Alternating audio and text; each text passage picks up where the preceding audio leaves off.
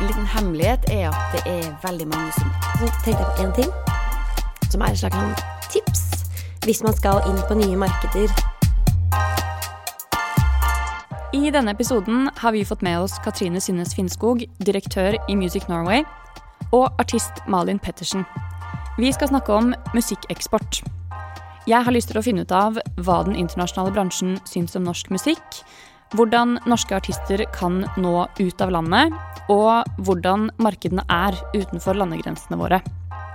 Jeg kan også avsløre at det kommer noen rimelig gode tips om hvordan å få mest mulig ut av bylarm, og kanskje litt om hvordan man kan klatre i musikkbransjen. For de som ikke vet, er Music Norway selve kontoret for musikkeksport i Norge. Og jeg vil begynne med å høre fra Katrine om hva de har gjort for eksporten når alle sitter hjemme. Podkasten er laget i samarbeid med vår partner Norsk Tipping, med tilskudd fra Fritt Ord. Og jinglen dere hører, er laget av Jonas Hibiki.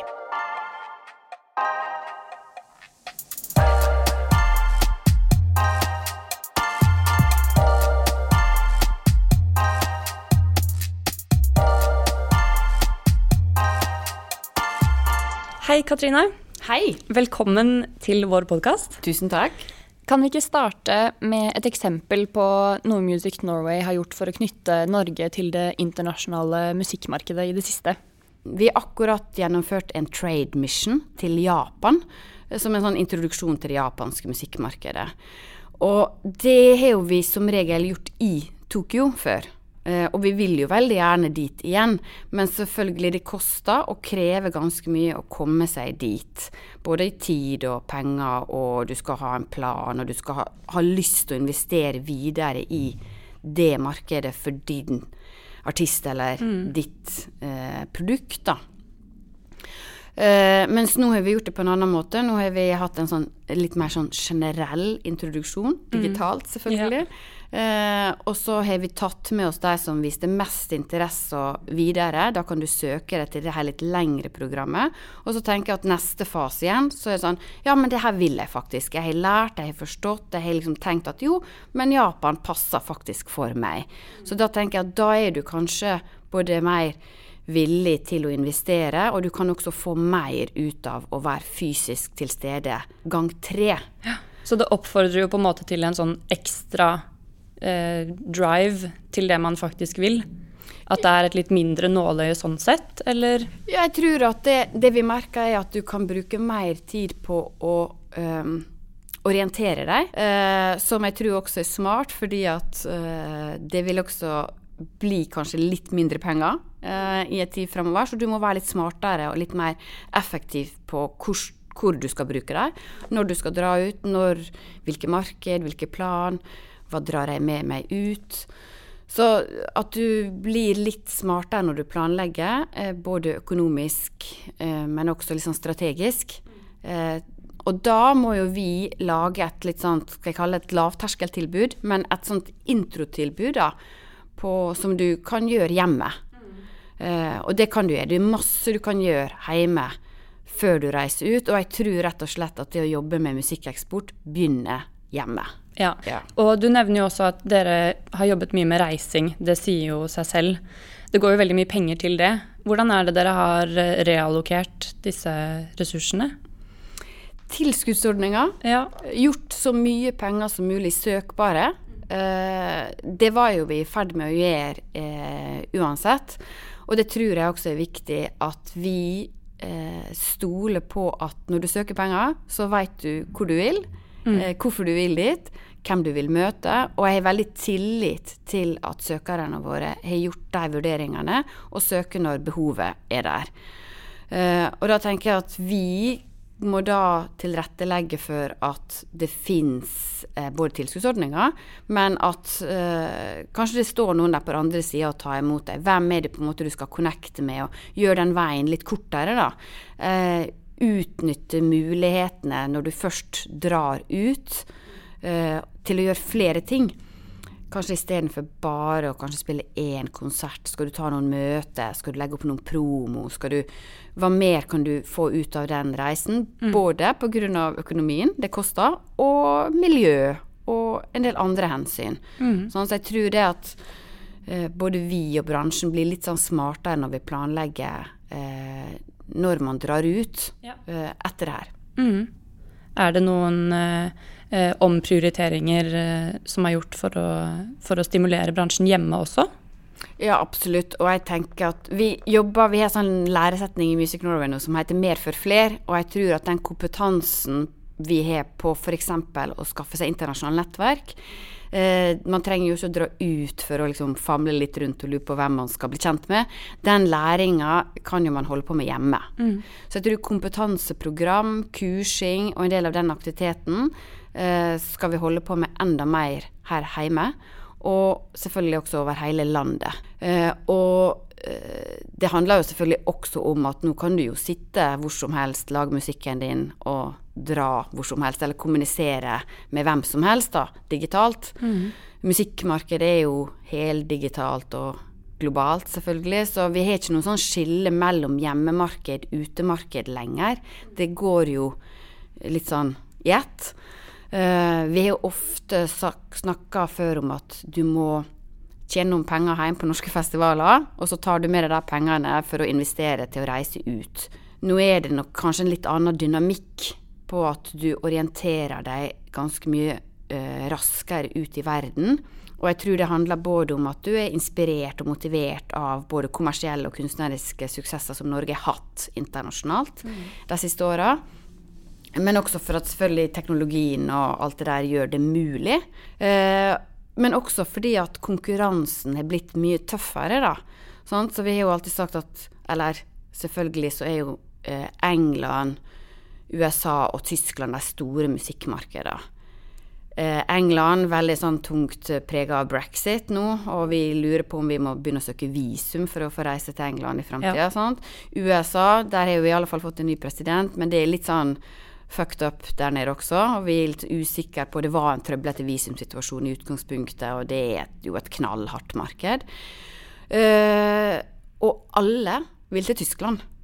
Tyskland er liksom det hotteste musikkmarkedet akkurat nå. Eh, fordi det connecter og snakker veldig raskt til veldig andre, mark andre marked rundt seg. Da må jo vi også begynne å orientere oss på, som vi har gjort da en stund, da, hva skjer da i India, i Kina, i Afrika, sant? der det er et potensielt kjempestort musikkmarked. Alle er på mobil. Eh, de har ikke begynt å betale så mye for musikkbruk enda, men det må jo komme. Sånn, så vi må nødt til å åpne opp flere marked samtidig, og det tror jeg også den norske musikkbransjen ser. At du kan igjen sånn sitte hjemme, orientere deg ut. Hvor er det det er en plass for det som jeg holder på med? Boy Pablo, da, som breaka på Filippinene og begynte hele sin karriere liksom, i det asiatiske markedet, eh, som også Alan Walker gjorde. Han har jo egentlig holdt på veldig mye i Kina eh, og nedi der. Eh, for da var jo USA litt eh, opptatt av Kygo. Ja. Sant? Eh, så Kygo hadde jo liksom tatt USA, og da måtte jo Alan Walker, som var litt i samme gata, ta noe annet. Og sånn tror jeg at eh, det blir viktig å, det blir viktig å se hele verden, da.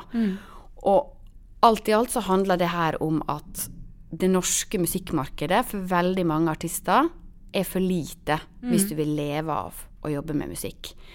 Eh, fordi strømmemarkedet eh, Altså taket for hvor mange som kan strømme musikk i Norge, er nesten nådd.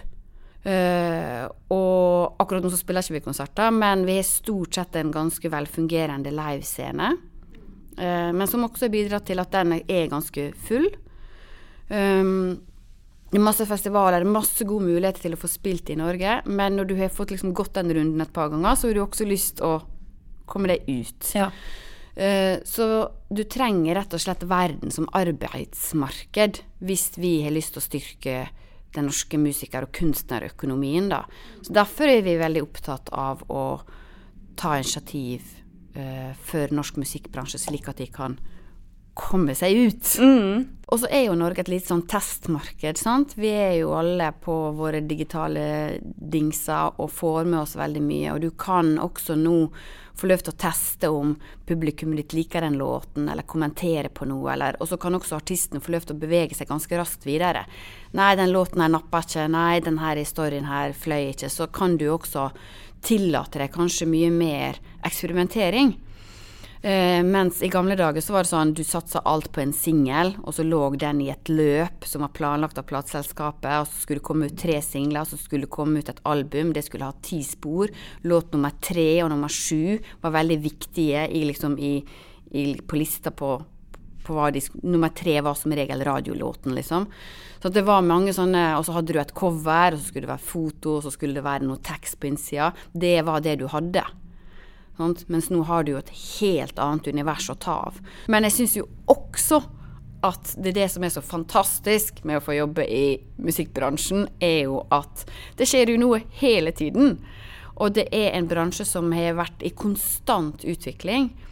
Eh, og endringstilpasningsdyktig, og det skjer ting, og det er høyt og lavt, og nye format og nye plattformer. og ja, uh, krevende å orientere seg noen ganger, uh, og det tar også tid og krefter og, og penger. Men veldig spennende, for du slutter aldri å lære.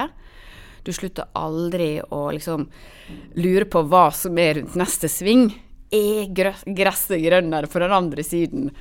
det er iallfall det som jeg elsker med å være akkurat i denne bransjen her, er at det skifter. Eh, det endrer seg. Eh, det kommer nye aktører. Eh, og man kan oppdatere seg, lære, være nysgjerrig hele tiden. Mm. Og kanskje i enda større grad i Norge.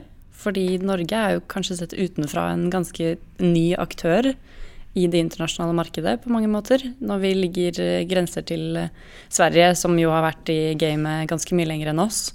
Eh, så er det jo ganske rask utvikling i det norske markedet også. Er det noe andre aktører merker seg? Absolutt. Svenskene sier jo at det, de sitter og lurer på hva som skjer borti Norge nå. og Veldig mange svenske forlag har jo alltid vært mye i Norge og liksom sjekka ut norske talent, men nå ser vi at de liksom står og skraper på dørene våre. Og, og vi er liksom ikke lillebroren til Sverige eller en, en, en, Norge er ikke en bydel i Stockholm lenger. Ja. Men um, jeg tror norsk musikkbransje er veldig motivert og inspirert av de suksessene vi har hatt internasjonalt de siste åra. Uh, at det er låtskrivere som har hevda seg. Vi har klassiske solister. Vi har Vardruna vikingmetall som går som nummer én på Global Spotify. Vi har et veldig uh, sterkt sånt sjangeravtrykk og bredde i Norge. Og det tror jeg er veldig viktig og, fint å ta med seg. Det jeg tror jeg er en styrke som vi har. Uh, vi er et bitte lite land som har utfordra at uh, folk må nødt til å samarbeide på tvers av musikken, på tvers av sjangre, som har gitt oss litt sånne type pompoko og litt kanskje noen andre uttrykk. Den norske jazzen er jo internasjonalt kjent, sant? fordi at den har vært veldig utforskende mot elektronikaen igjen eh, folk- og tradisjonsmusikken vårt. Det har også vært veldig orientert mot jazz og elektronika. Og den, det der er jo blitt litt sånn beskrevet som liksom den norske lyden internasjonalt. Så det tror jeg er en, veldig sånn, en norsk merkevare verdt å ta med seg, og kanskje også en grunn til at vi blir litt sånn er litt på radaren internasjonalt. Og så har vi jo også fantastiske norske låtskrivere og produsenter som har levert store internasjonale hits. Og nå er det ikke bare Sverige som leverer det, så jeg tror og de svenske produsentene og låtskriverne har kanskje også vært lengre kjent internasjonalt, og er kanskje litt mer sånn slitt i kantene. Så det er jo selvfølgelig da interessant å sjekke ut hva som skjer borti Norge. Det er litt mer fresht. Det er litt nye navn. Det er ikke alt Det er en scene som kanskje ikke folk har kjent så godt til, da. Så jeg tror det Både liksom de suksessene vi har hatt, også kommersielt, gjør at vi er på den internasjonale radaren. Låtskriverne og produsentene våre bidrar til det. Uh, og at vi er oppe i denne liksom digitale Spotify-delen av verden der du blir lagt merke til fordi at vi strømmer så mye av vår egen musikk. Ja. Så man blir nysgjerrig på hva er talentene våre? Hvor er de? Hvem er de? Kan vi få lov til å låne de litt? Vi vet jo at norsk musikk kom veldig sånn opp på radaren i Mexico plutselig for noen år siden. Uh, og um, det handler vel veldig mye om at eh, nordiske artister uh, strømmer godt på Spotify. Så ble Spotify introdusert i Mexico, og så oppdaga hele Mexico den nordiske scenen og veldig mange norske artister. Uh, nå ser vi at det også da uh, ført med seg at man eh, begynner å bli lagt merke til i resten av Sør-Amerika. Um, så at um, Selvfølgelig så gir de her digitale plattformene oss noen andre muligheter til å nå marked uten å være til stede live først. Uh, og så tror jeg det handler veldig mye da om hvordan du klarer å følge det opp. Klarer du da å være til stede live, eller klarer du å skaffe deg et nettverk, eller hvordan Hvem er de her fansa dine? Kan du bygge på det? Og kan du få overført de til eh, deg som artist, eller til liksom kan, kan de følge deg fra å strømme deg til å også velge å kjøpe en konsertbillett med deg? Det er jo liksom 10 000 kroners spørsmålet for veldig mange. Um, og da må du være liksom i stand til å følge det opp, eller jobbe mye med den fansen som oppstår eh, digitalt i et eh, spesielt marked, tror jeg. Jeg syns det er interessant når eh, Einar i Vardruna han forteller at han, han turnerer jo en del i eh, Brasil.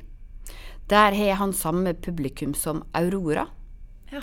Og det sier jo litt om altså Hjemme så er jo Vardruna og Aurora veldig forskjellig musikk. Mens der så er jo det litt eh, sånn Det er veldig eksotisk, det er nordisk, det er litt mørkt, kanskje litt mystisk og litt mytisk. Eh, så de treffer litt samme type publikum ute. Eh, så jeg tror at det vi lærer veldig mye av å orientere oss ut, er at eh, markedet er veldig forskjellig sammenskrudd enn sånn som det er hjemme. Og uh, at vi kan finne et publikum et annet marked som, veldig, som blir ditt publikum, da. Men eh, jeg tror det handler om å gjøre veldig god research, eller være til stede, eller komme seg dit når vi får sjansen til det. Og, og rett og slett kjenne litt på responsen, og føle på om her er, er det her et sted for meg og mitt uttrykk. Ja, det viser jo at man har uh, forskjellige typer publikum forskjellige steder. Så man trenger ikke begrense seg til den ene gruppen publikummere. Uh, for, for, å gå litt videre og tilbake hjem. Hvordan er det man utmerker seg på Bylarm? Hvis man får spille på Bylarm, hva er det som skal til for at internasjonale markeder oppdager deg, for at dere får øynene opp for en viss artist, osv.? Hvis jeg skal snakke helt personlig, som man jo skal gjøre Jeg begynner jo ofte med meg og hvem jeg hører på i min krets, hvem jeg stoler på, hvem som gir meg anbefalinger. Så det å ha skaffa seg noen fans først, som er troverdige i musikkbransjen, hvis det er det du er på jakt etter, men altså noen som kanskje kan snakke om deg videre til nestemann, og få det litt til å skje organisk, det tror jeg veldig på. Uh, og hvis du lurer på hvor du skal begynne, så tenker jeg at jeg hadde sett på artister som jeg er fan av sjøl. Og så hadde jeg sett litt på hva har de gjort.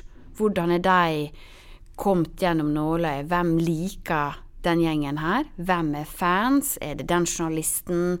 Er det den gjengen? Er det den agenten? Ok, hvordan kan jeg på en måte innynde meg i et miljø? Um, fordi at det er en snakkis som foregår i forkant av Bylarm. Hvem skal alle se i år? Og det å få bli en del av den snakkisen er litt stort, da. Uh, og det tror jeg du kan påvirke hvis du er litt street smart og, og, og, rett og slett er litt sånn med i en gjeng, eller prøver å bli med i en gjeng. Og da er kanskje litt det å begynne med å ja, Hvem heier på hvem, men hvem er på en måte Hvem liker du? Um, før jeg begynte å jobbe i Music Norway, så var jo jeg manager. Uh, og jobba også med å promotere uh, norske artister, både i Norge og også internasjonalt. Uh, og når jeg hadde lyst til å jobbe med noen, så var ikke det alltid at de hadde oppdaga meg, selv om jeg hadde oppdaga artisten. Så ett band jeg hadde veldig lyst til å jobbe med, de hang mye på én bar, som jeg også hang litt i. så da hang vi der litt sammen da, og blei kjent. og fikk liksom kjemi og bestemte oss for å prøve ut et samarbeid. og så endte det veldig godt. Og jeg tror det er litt sånn Jeg sier ikke at alle skal gå rundt og henge på bar for å bli liksom kompis med noen som kan få, få det på trykk i avisa eller få, skaffe deg en spillejobb, men det handler kanskje om å bli en del Føle i alle fall at man er en del av et miljø, fordi at det er så mange det er så mye informasjon, og det er så mange nettverk, og det er så mange koblinger, og kanskje ikke akkurat det er den personen som kan hjelpe deg videre, men kanskje den personen kjenner en annen person, og så og sånn sett er jo Norge også et, vi er jo et lite land og en veldig liten musikkbransje. Um, alle kjenner alle. Uh, så det er alltid noen å spørre, og jeg tror at folk stort sett har lyst til å hjelpe deg videre. Um, definitivt, det tror jeg på. Så jeg tror også at du kan tørre å spørre, og liksom, liksom begi det litt ut på den ferden her, da. Min metode er jo stort sett å skumme fløten. Så jeg kan gå rundt og snakke med masse folk, og så får jeg litt inspirasjon og litt råd og litt sånn her og der. Og så tar jeg med meg det som jeg syns passer for meg, og som jeg liker, og lager min versjon av det. Men da bruker jeg også mye tid på å snakke med folk, og liksom få input, da. Og ut av det så kan jeg finne min måte å gjøre det på. Hvorfor er eh, tilstedeværelse på Bylarm viktig for Music Norway? For det er jo litt der det skjer, da. Bylarm er en veldig viktig møteplass for norsk musikkbransje. Eh, det er viktig for oss å møtes, ses, snakke, sladre litt. Eh, være en del av en musikkbransje. Eh, jeg er veldig opptatt av at vi klarer å lage en god kultur i vår bransje. Et godt klima for samarbeid. Eh, at vi er rause med hverandre. Eh, vi er rett og slett så små i den store liksom, globale musikkverdenen at vi må ta vare på det vi har, og hjelpe hverandre opp og fram. Og Bylarm er jo en sånn arena som kan tilrettelegge for at det skjer der. Uh, og jeg tror det er viktig å invitere folk hjem til seg. Jeg tror at vår musikk blir sterkere hvis du ser hvor den lages, og blir kjent med de som har laga den. Så jeg tror at vi klarer å lage ei større historie om norsk musikk hvis du opplever den rett og slett på hjemmebane. Så vi er veldig glad i å invitere internasjonale folk til oss, og utsette dem for alt det som vi har å by på, da. Mat og kultur og sauna i Oslofjorden og hva det skal være.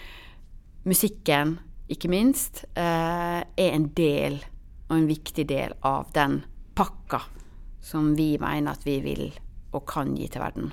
Bylarm er en gullgruve når det kommer til å møte alle players i den norske musikkbransjen, den nordiske musikkbransjen, og veldig mange internasjonale delegater som vi har vært veldig heldige å ha inne her på et veldig høyt nivå.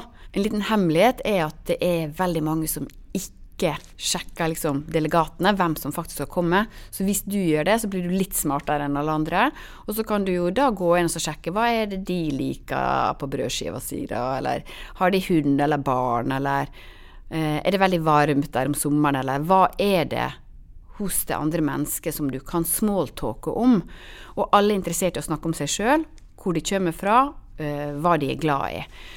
Uh, så jeg tror det at du også øver litt sånn på dine sosiale skills, ikke nødvendigvis bare prøve å selge først. Fordi når du skal jobbe med noen i vår bransje, musikkbransjen og liksom innenfor det kreative, så er jo kjemien veldig viktig. Og du har lyst til å samarbeide med folk som du liker. Mange nordmenn syns jo det er litt skummelt å kaste seg ut i litt sånn sosial smalltalk, og spesielt på engelsk, og at det skal være litt sånn faglig tungt. At du føler at du har lyst til å bidra med noe. Jeg tror drit i det. Og jeg tror kanskje også at det er, står bedre til etter pandemien enn før. Så jeg håper at vi klarer både å skru på igjen det, og jeg tror at vi har mye å tjene på å bare kaste oss litt ut i å prate med folk. og bli kjent eh, og finne ut hvem du liker, eh, og hvem du har lyst til å jobbe videre med i bransjen. Og for å vise hvordan Katrine sine tips kan brukes i praksis, har vi med oss Malin Pettersen. Hun har vært veldig god på å vise eh, sin egen merkevare gjennom hele 2020, og har vært til stede digitalt for å vedlikeholde og styrke sitt internasjonale nettverk. I tillegg til dette har hun sluppet album, og er nå Spellemannsnominert. Katrine forteller jo om at det er viktig å tørre å snakke med andre i bransjen. Og du slår meg umiddelbart som en som er ganske god på det. Syns du at det stemmer? Eh, jeg er jo glad i å snakke med folk, mm. eh, men jeg kan også synes at den bransjebiten er litt sånn skummel. Eh, men den blir lettere med en gang man vet litt hvem folk er syns jeg. Og med en gang man tenker at man alle er egentlig ute etter det samme. For alle er ute etter å lage Altså få god kunst og kultur opp og frem, på en måte. Så hvis man tenker at de derre titlene, at noen er liksom bookingsjef for Øya, eller At det ikke betyr så veldig mye, men at man tenker liksom den personen som nå er f.eks. bookingsjef i Øya, de begynte jo også med det fordi at de bare var megainteressert i musikk, og elsket musikk, liksom. Og da kan man måtte tenke at man kanskje er to likestilte folk, og da blir det litt lettere å gå inn i den samtalen og liksom høre hva de driver med, og hvem de er. Mm, senke terskelen litt. Ja, man er bare folk. Ikke sant. Absolutt. Du, med din sjanger, har jo et, en stor appell til utlandet og til USA. Hvordan er det du jobber målrettet, kan man si det, ja, mot utlandet? Absolutt. Eh, jeg er, føler meg veldig heldig eh, med at sosiale medier fins. Det er jo ikke alle som syns at det er like gøy, men jeg syns at sosiale medier er veldig gøy, og en veldig spennende eh, på en måte en slags eh, portal inn til eh, verdener som man ikke nødvendigvis kan befinne seg i akkurat der og da fysisk, men at man likevel kan ta en del det. Eh, en del av det. Og sånn som Nashville, som er et av de stedene som jeg har jobbet mye, så eh, var det ganske mange år før jeg først kom dit, at jeg hadde fulgt eh, på en måte den scenen der borte som holdt på med den musikken jeg holdt på med. Så jeg fulgte folk, hørte på musikken deres, kommenterte, stilte spørsmål hvis det var noe jeg lurte på. For å, selvfølgelig, Både fordi at jeg var interessert i det de holdt på med, men også for å liksom håpe at de kanskje ville gå inn og sjekke ut min musikk og sjekke ut hvem jeg var. Og det resulterte i at da jeg først dro over og møtte mange av disse menneskene face to face i helt sånn tilfeldige sosiale relasjoner, ved at man var på samme konsert f.eks., eller at det viste seg at man hadde noen felles venner, så var de sånn Hei! Det er deg! Og da var, liksom, da var isen brutt med en gang, og det var en mye enklere måte å komme i gang med samtalen på. Og da visste jo de også med en gang at her har vi et annet menneske med akkurat samme eh, interesse som meg. De liker det samme som meg. Og så var det liksom bare å sette i gang og være sosiale kompiser. ja, ikke sant. Um, hva slags uh, plattformer er det du bruker da? Hva er, hva er favorittene? Ja, jeg tror Instagram er en favoritt for meg fordi at jeg er veldig glad i det visuelle uttrykket også. Ehm, men så har jeg jo eh, andre venner i musikkbransjen som ikke syns at det er Det faller kanskje ikke så naturlig for dem å holde på med det. Så de liker kanskje bedre Facebook, f.eks. For, eksempel, for der er det veldig sånn klart og tydelig hvem folk er. De har liksom navnet sitt, de har på en måte 'Dette er dine venner'. Det er ganske lett å se og, få en sånn feeling av hvem folk er. Og så er jo eh, Jeg føler at jeg har bedre koll på amerikanske Twitter enn den norske. Så de bruker det veldig mye, så der har jeg også liksom, prøvd å være mye. Ja, Twitter føles litt som et sted som nordmenn ja. ikke er helt. Nei, det var det liksom mm. en stund. Og så er det akkurat som det på en måte har dabbet veldig av, og at de nye andre tingene har tatt over. Um, og så har jeg på en måte valgt, når Snapchat og TikTok og alle de tingene kom, så måtte jeg på en måte gjøre et valg. Fordi man er jo bare én person også. Og det, man skal jo lage musikk og produsere musikk. Man skal, har jo på en måte hele den jobben òg. Så det er mye å skulle jobbe på den andre biten òg. Men da valgte jeg liksom at jeg tror på en måte Instagram er det stedet jeg er best. Så i stedet for å gjøre det halvveis på de andre også, så har jeg konsentrert meg mest om det. men eh, jeg har mange venner som er veldig gode på alle de forskjellige plattformene. Og det er jo både veldig imponerende og veldig smart hvis man på en måte har eh, overskudd til det. Eller hvis man føler at, man, at det er noe man mestrer, da. For det er klart at du treffer jo Da treffer du enda flere. Og så tror jeg at hvis du ikke nødvendigvis på en måte bare kjenner målgruppen din Det var et ord som jeg syntes var veldig skummelt da jeg begynte. Målgruppe. Ja, men jeg vil jo at alle skal høre på musikken min. Mm, ja. uh, men hvis du på en måte tenker selv sånn Hvem er det jeg vil at lytteren min skal være? Er det på en måte noen som er mellom 18 og 25, så er det jo kanskje TikTok f.eks. som kan være en veldig god plattform. Eller eh, Snapchat. Mens eh, hvis du vet at det finnes en svær gjeng på Instagram som er kjempeinteressert i akkurat det jeg holder på med, så vet du også at ok, men da er det de folka jeg skal prøve å nå, på en måte. For det er de jeg vil ha som mine lyttere. Um, så gjøre en liten sånn saumfaring av hvem som er hvor, og hva slags Hvis man f.eks. liker best å li lage videoer, så kan man jo også bestemme sin plattform hvor man skal legge liksom mest trykk ut ifra det.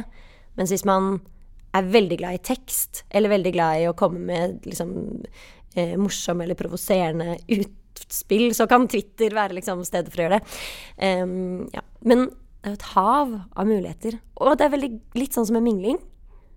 Enda gøyere hvis man ikke tar det så seriøst, på en måte. Hvis man tenker at man skal ha det gøy.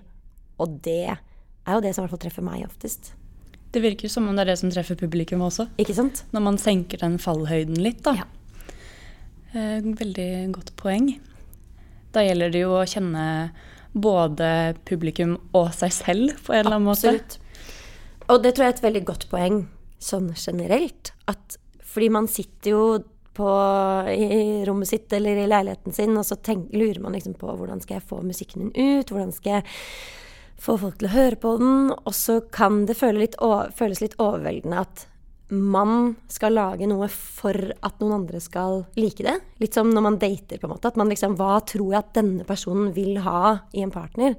Mens det er jo egentlig det motsatte man er ute etter, på en måte. Man er jo ute etter å lage det eh, man selv gjør best, og det man selv ønsker å si.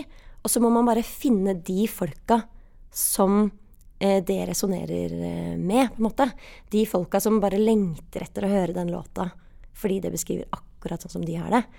Og hvis man saumfarer litt på sosiale medier, da, så kan man jo se sant, hvem som deler eh, artister eller låter fra andre artister som du eh, assosierer deg med, på en måte. Og da vet, kan man jo pinpointe litt mer sånn OK, ja, men det er den type folk, liksom. De, de er interessert i sånn musikk som jeg hører så kan man føle litt mindre på at man må forme seg etter publikum. Ja, og som musikklytter så er det jo det man vil, er å finne noe man kan kjenne seg igjen i, og mm. noe man føler at man også kjenner litt. Da. Ja. Men i en tid hvor eh, planlegging ikke er det enkleste, mm. hvordan er det du tenker fremover nå?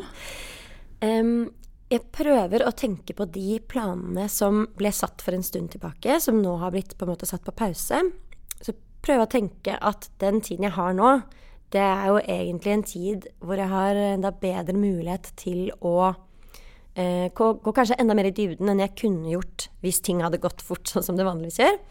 Eh, og så prøve å tenke at f.eks. England er et marked som vi skal prøve å komme oss litt inn på. Eh, og vi var i ferd med det rett før ting stengte ned. Og da i stedet for å tenke sånn OK, men da legger jeg det til side eh, til det åpner igjen, så igjen liker jeg å bruke sosiale medier, da. Eh, så går jeg inn på liksom eh, artister som det virker som at jobber med flinke folk, eller festivaler som har artister som jeg digger, sånn at jeg tenker at kanskje jeg kan spille der en gang. Eh, og så går jeg inn og så sjekker jeg hvem er det som jobber her. Hvem er de folka? Er det et miljø, eller er det enkeltstående på en måte små gjenger? Og så prøver jeg å følge folka for å nettopp gjøre litt det som jeg snakket om i stad. Liksom finne ut hvem er det som er mine folk. på en måte, Hvem er det som liker det samme som meg? Hvem er det jeg tror at jeg kunne fått en meningsfull enten liksom, relasjon sånn eh, f.eks. med management og sånn, eller som jeg tror at kunne likt det jeg gjorde, og kun, kanskje kunne ha lyst til å booke det, da. Eh, og så gjør jeg jo litt sånn som eh, Katrine snakket om, at jeg sjekker liksom hvem er de folka. Hvis de liker den samme musikken som meg, kanskje jeg kommenterer og spør har du hørt den plata. Og på den måten så, selv om du på en måte mingler, og det har med jobb å gjøre, så er du liksom eh, på det litt mer sånn sosiale planet, som gjør det litt lettere, og som gjør at kanskje de blir enda litt mer sånn Ja, det er litt uh, mer lavterskel og litt enklere å på en måte komme innenfor den døren enn hvis du banker på kontoret og er sånn 'Hallo, hallo, har du lyst til å booke meg? Jeg er kjempebra', altså. For da lar du de liksom få oppdage det selv. Kanskje de går inn og hører på musikken. Kanskje de ser hvem som følger deg. Kanskje det er noen de syns er kule. Så kanskje de blir sånn Oi, dette er en person som jeg burde følge med på. Og så har de liksom plutselig gjort en jobb, da bare ved å stille et spørsmål i et kommentarfelt. Ja, definitivt. Hva med konkrete planer? Finnes det noen uh, mål for hvor du har lyst til å nå? Eh, rent uh, sånn uh, spillmessig, tenker du, territoriet, liksom? Ja, for eksempel. Ja. de konkrete planene nå er litt ukonkrete. Altså, de konkrete planene er Jeg snakker med bookingfolk i Europa for å prøve å nå skaffe meg en agent som kan jobbe bredt i Europa. Eh, og så har jeg akkurat begynt å jobbe med All Things Live på booking i Norge og Norden. Eh, og så i USA så jobber vi litt sånn som vi har gjort hele tiden, med å tenke at liksom um, Ikke at det skal gå sakte, men vi, vi er på en måte hele tiden på der og prøver å lage de små sosiale relasjonene som gjør at du på en måte til slutt har en gjeng der borte. Litt sånn som man gjør egentlig her eh, også, at man er sosial, og så plutselig så har man sin gjeng. Eh, men det er veldig vanskelig å sette noen sånn helt konkrete planer hva gjelder f.eks. turnering og sånn. Det eneste vi vet, er at neste gang eh, det blir USA, så har vi lyst til å gjøre det på ordentlig med liksom visum og en turné, på en måte. Forhåpentligvis, i hvert fall. Eh, og, og gjøre litt større sånn bookinger i Europa. Man får jo sånn sett bedre tid til å planlegge hva som det, skal skje. Definitivt. Og til å skaffe de kontaktene som kanskje kan hjelpe det med å skje. Fordi at det, eh, når ting går raskt og er liksom i en hektisk hverdag sånn som verden var, så er det på en måte den mailen du sender, eller den kommentaren du legger i det feltet, det kan jo også hende at det på en måte forsvinner nedover i en bunke. Mens nå, når folk alle har bedre tid, folk er mer på sosiale medier, så er det også lettere å på en måte kanskje nå de folka. Og kanskje gjøre den derre litt langsiktige jobben som også skaper på en måte kanskje bedre på en måte connections som varer lenger, og som eh, Ja. Og så tenkte jeg på én ting, mm -hmm. som er et slags sånn tips hvis man skal inn på nye markeder. Eh, eller hvis man skal på Bylarm, f.eks., og man er enten et band eller en artist Um, dette funker selvfølgelig hvis du er alene også, men hvis du har noen du jobber med, så funker det veldig bra hvis man på på forhånd har snakket litt om en sånn slags strategi. Hvem, hva er det vi trenger? Ok, du trenger booking. Uh, da er disse folka på delegatlisten, liksom. De kan være kule å snakke med. Uh, ok, du trenger Du har lyst til å spille på den og den festivalen. Da er det disse folka som jobber der. Og hvis man er flere i på en måte en gjeng, da, som vet om de folka, så er det også lettere å eh, på en måte nå de menneskene man har lyst til å nå. For da jobber man på flere plan.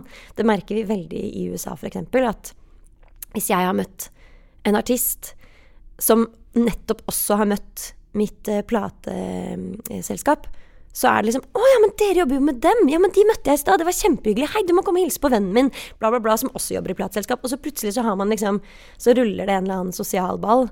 Og det er jo samme på Bylarm. Opplevd flere ganger at eh, folk liksom Ja, det var noen her i stad som spurte etter deg, som jobber i en eller annen festival. Og så plutselig så står det en ved siden av bare Ja, men det er eh, Jeg jobber i den festivalen. Å ja, ok. Og så er de kanskje interessert i ikke bare liksom å booke meg, men kanskje noen andre som også er på plateselskapet mitt. Og det at vi da er flere som på en måte har vært rundt og mingla eller prøvd å liksom oppnå en kontakt, det hjelper. Det vil skape et enda større sånn hva heter det? Suksessrate. At man er liksom flere da, som jobber mot det samme målet og vet hvem folka er. Innspillingen vår med Malin tok en brå slutt da det ble altfor mye støy ute fra en eh, varebil. Men sånn er det når man spiller inn podkast på kontoret. Eh, og hva er vel ikke mer eh, backstage enn det. Jeg håper dere likevel har fått noe ut av denne episoden, og så gleder jeg meg til vi høres neste gang.